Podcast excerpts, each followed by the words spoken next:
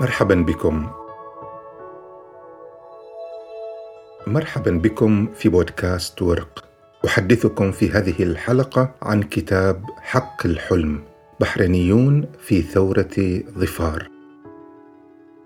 يبدو العنوان حق الحلم وكأنه عنوان شاعري ربما يكون عنوانا لديوان أو لتجربة أدبية أو لمجموعة قصصية لكنه في الحقيقة عنوان لتاريخ لتجارب شخصية فيها السلاح فيها وعورة الطبيعة وفيها أيضا جمال الطبيعة وفيها حق التغيير كذلك. الحلم في هذا الكتاب هو تماما ما كان يقوله التربوي والمفكر العالمي باولو فراري. ماذا قال؟ عن الحلم.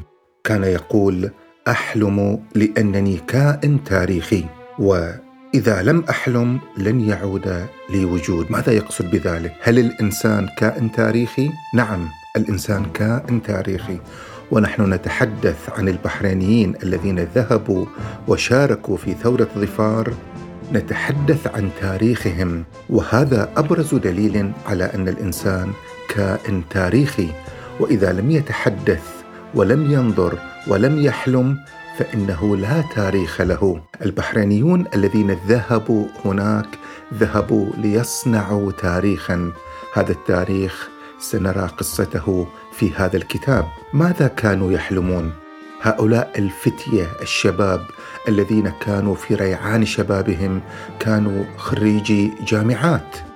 ما كانوا مجرد غاضبين أو ما كانوا مجرد أناس لا عمل لهم أو يعانون من فاقة بل كان كثير منهم متخمون بالثورة ومتخمون بالثروة. لاحظوا أن الثروة والثورة تأتي أيضا من نفس الجذر وهذا الجذر يلتقي أحيانا ليصنع التغيير واحيانا ليمنع التغيير. هؤلاء الشباب الذين شكلوا تاريخ البحرين وشكلوا ذاكرته واليوم نحن ندرس تاريخ الحركة الوطنية وتاريخ البحرين باعتبار ما صنعه هؤلاء.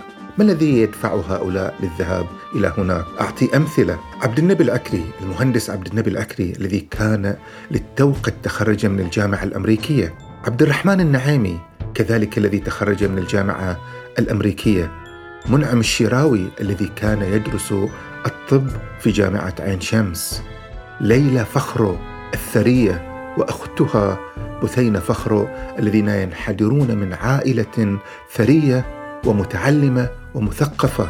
ما الذي يذهب بهؤلاء ويحركهم ويجعل حلمهم أن يشاركوا في الثورة؟ ذلك هو الكائن الإنساني التاريخي الذي فيهم هو الذي دفعهم ليذهبوا هناك إلى ظفار ليصنعوا تاريخا جديدا للخليج وللعرب. ماذا كان هناك في ظفار؟ في ظفار التي تشكل ثلث مساحة عمان ثلث عمان في ظفار ونحن اليوم نعرفها بصلالة. صلالة هي عاصمة ظفار الحج إلى صلالة هو حج إلى السياحة بحث عن الطبيعة الجميلة بحث عن المياه بحث عن الظواهر الطبيعية والظواهر الموسمية التي عرفت بها هذه المنطقة. هؤلاء ذهبوا هناك لا سياحا إنما ذهبوا ثوارا كانوا يسيحون بعقولهم وبأحلامهم يريدون التغيير. ظفار كانت تعاني من فاقة. أطبقت الفاقة على الناس الذين كانوا يعيشون هناك. كان الحاكم سعيد بن تيمور. والد السلطان قابوس رحمة الله عليه كان يحكم عمان عبر الاستعمار البريطاني. منذ عام 1932 إلى عام 1970 كان هو الحاكم المطلق على شعبه والمقيد بالبريطاني والمنفذ للأجندة البريطانية. كان الحاكم في ذلك الوقت يصنع عزلا كاملا لهذه المنطقة. لم يكن التعليم فيها لم تكن الحضارة فيها لم تكن حتى اللغة العربية فيها. الشحريه التي هي لغة خاصة عند هؤلاء ولغة شعبية وهي ليست لغة علم. في ذلك الوقت هي لغة شعب. ما كان يتقن هذا الشعب اللغة العربية؟ كان ممنوعا أن يلبس حتى النعال ممنوعا أن يستخدم المذياع. ممنوعا أن يتحرك خارج أسوار التي وضعها هذا الحاكم. كان المنع والعزل هو المطبق على هذه المنطقة وكان الاستعمار البريطاني يدير منطقة الخليج ويدير عمان ويدير المستعمرات بعقلية لا تسمح للآخرين أن ينالوا حريتهم أن يصنعوا تاريخهم. وهنا نعود إلى الحلم باعتباره تاريخا يصنعه الناس يصنعه البشر ثورات تغييرات. كانت هذه المنطقة بحاجة إلى ثورة بحاجة إلى تغيير. كيف حدث ذلك؟ وكيف التقى البحرينيون مع هؤلاء العمانيين مع هؤلاء الظفاريين؟ كيف التقوا معهم؟ ذلك هو ما نحاول أن نقدمه في هذا البودكاست. وهذا ما تحاول أن تقدمه الكاتبة باسمه القصاب في هذا الكتاب. قد التقت مع هؤلاء تحدثت معهم استمعت لهم عرفت أحلامهم عرفت من أين أتت هذه الحركة الثورية في نفوسهم وفي قلوبهم وكتبت لنا هذا الكتاب الجميل. الحصار والمنع والجهل والمرض والعزلة عن العالم صنعت مجتمعا متخلفا في ذلك الوقت وبمقاييس ذلك الوقت. لذلك حاول بعض الظفاريين أن يخرجوا ويسيحوا بحثا عن فرص عمل ليستطيعوا أن يؤمنوا قوت يومهم وشهرهم وقوت عوائلهم.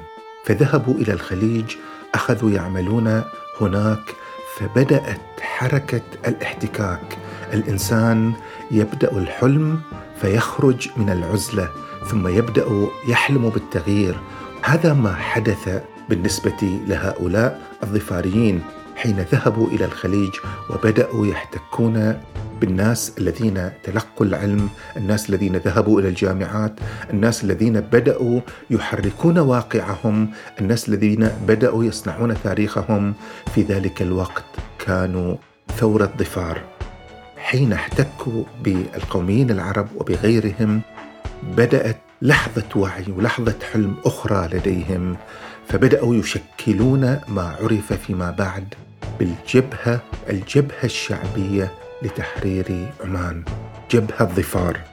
جبهة الظفار شكلت كتنظيم ثوري وعسكري ويؤمن بالتغيير بالسلاح. عدوه هو الجهل هو الاستعمار هو بريطانيا هو الحاكم سعيد بن تيمور.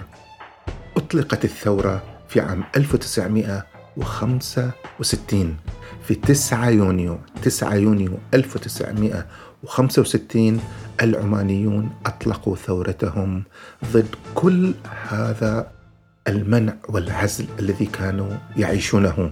وبالمناسبة ما كان الحاكم سعيد بن تيمور جاهلا كان متعلما تلقى تعليمه في بغداد وفي بريطانيا ويتقن اللغة العربية واللغة الفارسية والأدب العربي بل ويتقن لغات أخرى وهو مع ذلك كان ظنينا على شعبه وكان يعرف أن مفتاح العلم ومفتاح الجامعة سيغير لذلك كان يمنعهم من التغيير. لذلك حين أقول حق الحلم وعنوان هذه الثورة فأنا أعني حق التعليم. التعليم هو سر هذه الثورة ولن أبالغ حين أقول أن هذه الثورة هي ثورة طلاب هي ثورة تعليم هي ثورة جامعيين لأن كل من شارك في هذه الثورة كانوا من هذه الطبقة. لا أقول كل ولكن أقول من قاد أقول من حرك أقول من رسم أقول من كان فاعلا بصورة قوية في صناعة هذه الثورة كان قد مر عبر التعليم وعبر الجامعات. هؤلاء الجامعيون شكلوا جبهة التحرير وكلمة جبهة ستلازم البحرينيين فيما بعد وسأعرض ذلك. هنا جبهة تحرير ظفار بدأت عملها من عام 65 ورافق ذلك أيضا هذا التاريخ إصدار مجلة فيما بعد هي مجلة 9 مارس لأن الثورة انطلقت في 9 مارس وهذه المجلة لها إرشيف وهي موجودة اليوم وأعدادها متوافرة على الإنترنت ويمكن قراءة حلم الناس بالتغيير من خلال قراءة هذه النشرة. استمر القتال واستمر التحرير وتمكن هؤلاء من تحرير مناطق كثيرة وبدأ التعاطف معهم. دخل البحرينيون على خط الثورة. ابتداء من 69 دخل البحرينيون على خط الثورة. بدأوا يتنقلون من جامعاتهم وأحلامهم إلى ميدان الواقع عبر اليمن عبر عدن كانوا يتنقلون في رحلة مضنية لأيام يعبرون الجبال والوديان بكل المخاطر تحت القصف لكنهم كانوا يحملون قوة الحلم في داخلهم وقوة العلم وقوة التاريخ وقوة التغيير. كان واحد من هؤلاء عبد النبي الأكري وكان واحد من هؤلاء أحمد الخياط الذي جاء من القاهرة. وهو كان يدرس الطب هناك. واحد منهم أيضا نوح عبد العزيز الذي كان يدرس أيضا في روسيا وكان خبيرا أيضا في تطوير الصناعة وطور جزء من الأسلحة التي كانت تستخدم هناك. وكذلك لدينا ليلى فخرو التي صنعت في ظفار صنعت ثورة أخرى هي ثورة التعليم صنعت مدارس واحدة من هذه المدارس سميت أيضا 9 مارس لأن 9 مارس كما قلنا انطلقت هذه الثورة.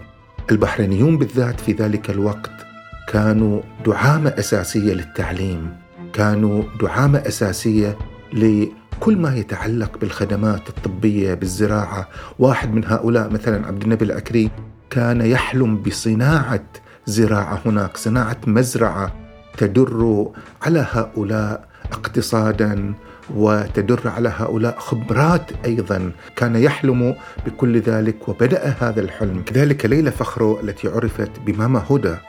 ماما ماما هنا هي التي كانت تسقيهم العلم وتضع المناهج وكذلك أحمد عبيدلي وعبيدلي العبيدلي هؤلاء أيضا صنعوا المناهج وصنعوا تعليم وكانوا هم دعامة أساسية لذلك قلت وما زلت أصر على أن هذه ثورة جامعيين على أن هذه ثورة طلاب على أن هذه ثورة حالمين بالعلم والمعرفة والتغيير.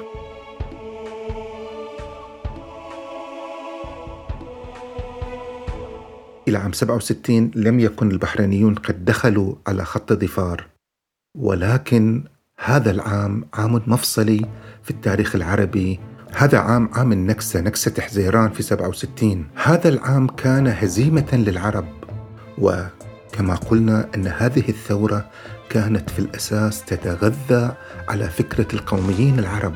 القوميين العرب كانوا يحلمون بالتغيير. هذه النكسة سببت مراجعات جذرية إلى الجميع. انعكس ذلك أيضا على ثورة ظفار على جبهة ظفار. فحدث مؤتمر في عام 68 هذا المؤتمر كان مفصليا. في هذا المؤتمر كان السؤال المطروح هل نستمر في تغذية الثورة وتغذية هذا الحلم بالقومية العربية؟ هل نبقى قوميين؟ هل نبقى بالأيديولوجيا القومية التي حركت هذه الثورة؟ ألا تدعو هذه الهزيمة هؤلاء الحالمين لمراجعة الفكرة؟ هنا انقسم الطرح. هناك من أخذ القومية لكي تنفتح على اليسار تنفتح على ما عرف في ذلك الوقت بالشيوعية أو بالاتحاد السوفيتي أو بالثورة الأممية العالمية جيفارا وغير جيفارا. هنا بدأت الثورة تتغذى بالفكر اليساري. هذا التغيير كان يعبر عن رؤية جديدة عن حلم جديد عن فكرة جديدة. فكرة القوميين العرب بدأت تنفتح أو بعضها قد يكون بدأ ينشق. هناك أيضا تغيير آخر حدث في 74 هذه الجبهة أصبحت جبهة الشعبية لتحرير عمان والجبهة الشعبية لتحرير البحرين. طبعا هذا اسم الجبهة الذي بدأ بظفار واستمر في ظفار ثم استقل كتنظيم خاص الجبهة الشعبية آه، تحرير البحرين. الجبهة الشعبية لتحرير البحرين أصبحت تنظيما مستقلا وما نعرفه الآن هي جمعية وعد هي وريثة هذا التنظيم. وكان عبد الرحمن النعيمي هو القيادي الكبير فيها وهو الذي كان يحرك هذه الجبهة في ذلك الوقت واستمر فيها. لذلك نقول الإنسان كائن تاريخي. نقول الانسان كائن تاريخي والحلم يعبر عن هذا الكائن التاريخي كي نعرف كيف غدت وعد. ما غدت عليه اليوم وصار اسمها وعد لابد أن نعرف هذا التاريخ أيضا نعرف تاريخ هذه الجبهة وربما الأجيال المعاصرة الآن لا تعرف هذا التاريخ وكيف جاء هذا التاريخ. لذلك هذا الكتاب مهم في هذه الناحية إذ أنه هو يؤرخ للحلم حلم البشر حلم الإنسان حلم الطلاب الجامعيين حلم المثقفين بالتغيير. في هذا الكتاب جزء من تاريخ هذا الحلم. لذلك نحن نعرضه اليوم ونهتم به اليوم كاهتمام بتاريخنا. الآن نعود لفكرة القوميين العرب. القوميين العرب هم الشعلة الأولى لهذه الثورة وهم الذين غذوا فكرة الجبهة الشعبية لتحرير البحرين وهم الذين غذوا فكرة الجبهة الشعبية لتحرير عمان وهم الذين غذوا فكرة جبهة تحرير ظفار. هذا التكوين السياسي الثوري تغذى من فكرة القومية العربية.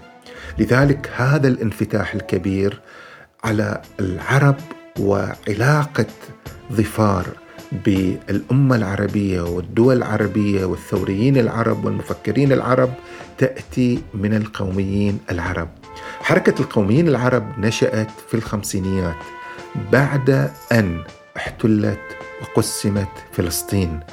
هي عبارة عن تنظيم جاء في أعقاب ما عرف في ذلك الوقت بالنكبة وكلمة النكبة بالمناسبة هي كلمة وضعها واحد من القوميين والمفكرين العرب الهامين الذين أثروا تأثيرا كبيرا في حركة القوميين العرب وهو قسطنطين زريق.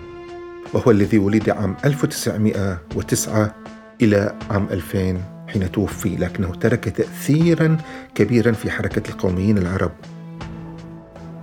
هو كان قد درس طب في الجامعة الأمريكية ودرس أيضا في الجامعات الأمريكية وجاء بفكرة القومية من هذا الحراك الطلابي من هذا الحراك الجامعي. لذلك قلت هي ثورة حالمين ثورة جامعيين ثورة طلاب.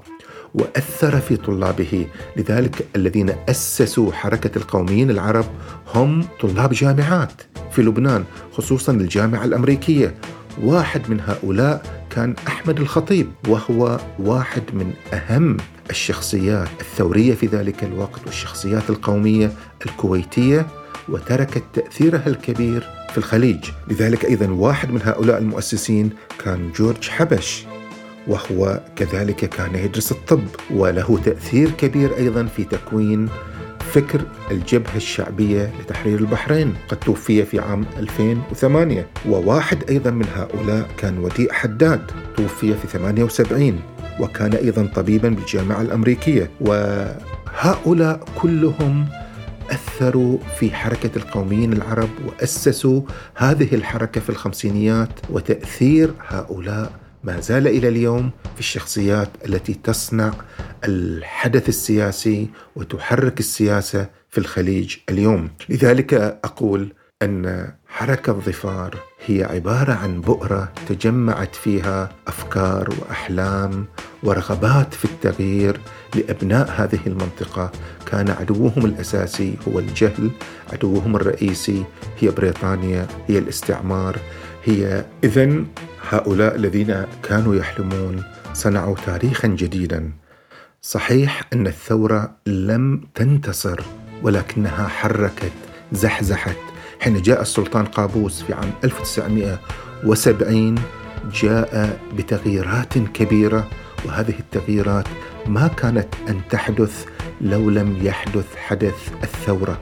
الثورة كان لديها هدف، لديها غايات تغييرية وحدثت هذه الغايات لكنها عسكريا صحيح لم تنتصر.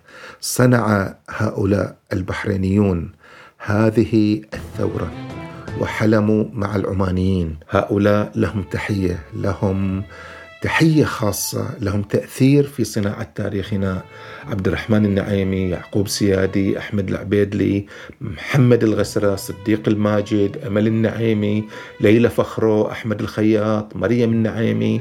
نوح عبد العزيز عبد العزيز الراشد عبد المنعم الشيراوي كل هؤلاء وغيرهم الكثيرون أيضا ممن ذهبوا إلى ظفار صنعوا تاريخا و نستعيد مقولة أن الإنسان يحلم لأنه كائن تاريخي ويحلم لأنه يريد لوجوده أن يتحقق وأن يتغير وهذا ما لا يستطيع أن يحققه الحيوان، الحيوان لا يحلم ولا يغير بينما الإنسان يحلم ويغير ويزحزح.